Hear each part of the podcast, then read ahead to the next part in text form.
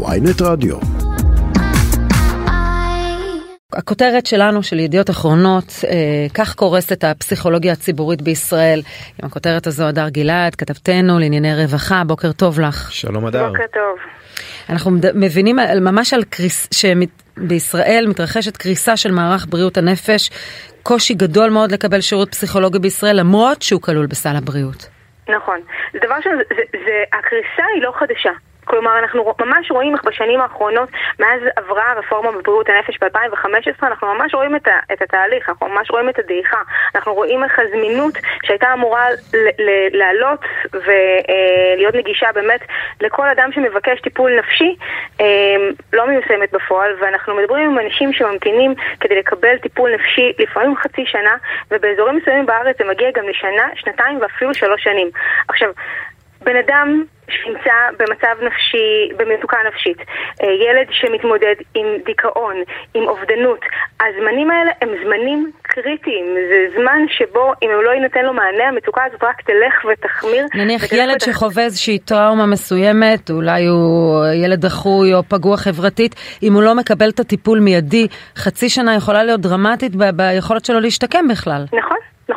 ביכולת ההתפתחותית שלו, את יודעת, זה גילאים שהם מאוד קריטיים, ברמה, קריטיים ברמה ההתפתחותית. אמ, אנחנו מביאים בבוקר סיפור של אה, ילדה בת ארבע שעברה התעללות בגן. יש הליך מש, אה, אה, פלילי משפטי שמתנהל באפיק אחד, ובאפיק השני האמא רוצה לשקם את הילדה. ואם היא לא משלמת כסף לפסיכולוג באופן פרטי, היא לא תקבל טיפול בחודשים הקרובים.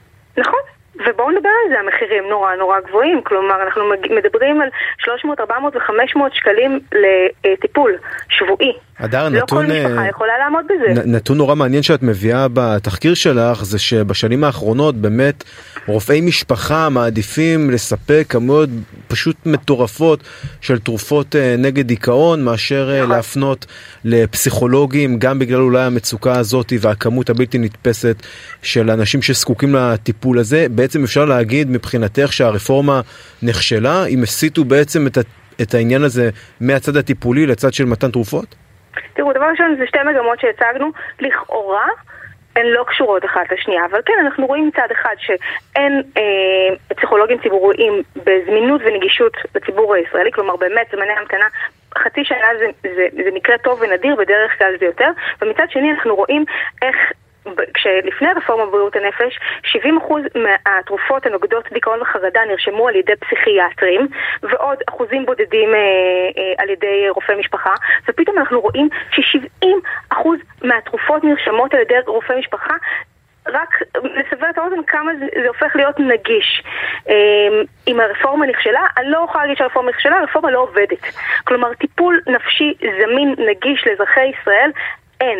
מי שיש לו כסף יכול להשיג טיפול יכול. אני רוצה לצרף לשיחה את דוקטור ירדן מנדלסון ממובילות המאבק על הפסיכולוגיה הציבורית, פסיכולוגית אה, קלינית מומחית. שלום ירדן. בוקר טוב.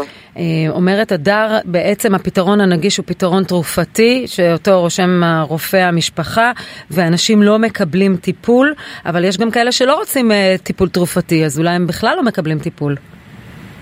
קודם כל אה, אנחנו רואים גם מסקרים וגם מחקרים בעולם שרוב האנשים לא רוצים טיפול תרופתי, בטח לא כקו ראשון, וזה גם לא הטיפול היעיל לטווח ארוך. אבל המטה משרד הבריאות מתנהג כמו מאפיה, אה, באגף בריאות הנפש במשרד הבריאות יש כמעט רק פסיכיאטרים.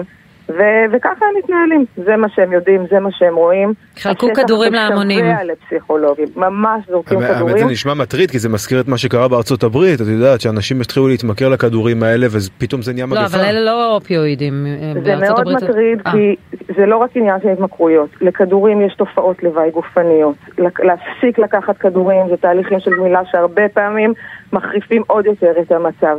זה איזשהו פלסטר שעובד חלקית ומאוד מאוד חלקית לזמן הקצר, אבל מחריף את המצבים אה, לטווח ארוך. והמערכת פשוט מסרבת, מסרבת לתת לזה מענה כשבשטח משוועים לפסיכולוגים. כלומר, אתם, אתם משחררים אנשים ללא טיפול, אה, אנשים שזקוקים לטיפול כי אין לכם כוח אדם? לא מקבלים אותם מראש, הרבה פעמים המחלקות פסיכיאטריות משחררות אותם כי הם לא לוקחים אה, תרופות, אז אין לנו מה להציע. אגף בריאות הנפש אמור להציע טיפול שהוא לא רק פסיכיאטרי. יש לנו עוד הרבה מאוד דברים להציע, אם זה פסיכולוגים, אם זה עובדים סוציאליים, אם זה ריפוי בעיסוק, אם זה קבוצות לא הכל זה, זה, זה התרופות, התרופות הן לא משאת נפשנו. ואנחנו mm-hmm. פשוט מסרבים לעזור, ואנחנו... משרד הבריאות פוגע באוכלוסייה. בטח ובטח פוסט קורונה, כשאנחנו יודעים שהמצב הוא רגיש, ואנשים mm-hmm. ממש ממש קורסים.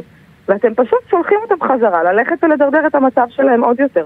אנחנו בשוק הפרטי מקבלים אותם חצי שנה ושנה ושנתיים אחר כך במצב הרבה הרבה יותר גרוע. ולא כולם יכולים להרשות לעצמם לקבל טיפול בשוק הפרטי.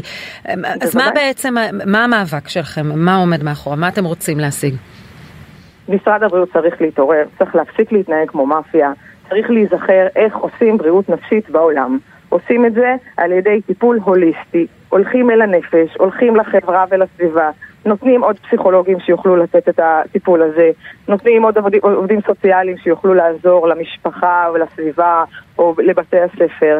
וצריך להפסיק למכור, למכור לנו סיפורים של נתנו 90 מיליון. מה זה 90 מיליון בתקציבים של מיליארדים? מיליארדים שהולכים לקופות ונעלמות, אלוהים יודע לאן. תגידי, יצא לך במקרה לשוחח עם חברת הכנסת וולדיגר מהציונות הדתית, שהיא מאוד, מאוד בדמה ובנפשה הנושאים הללו, והיא גם עכשיו אה, סגנית אה, שר במשרד האוצר, אולי יכולה לספק לכם אולי פתרונות.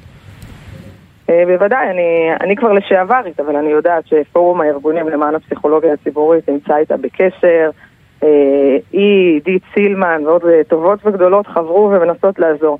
בסופו של דבר, אה, אם לא ניכנס לעניינים פוליטיים, הקואליציה הנוכחית תצטרך להחליט האם היא באמת הולכת לעזור חברתית לאנשים שצריכים את זה, או רק לזרוק סיסמאות.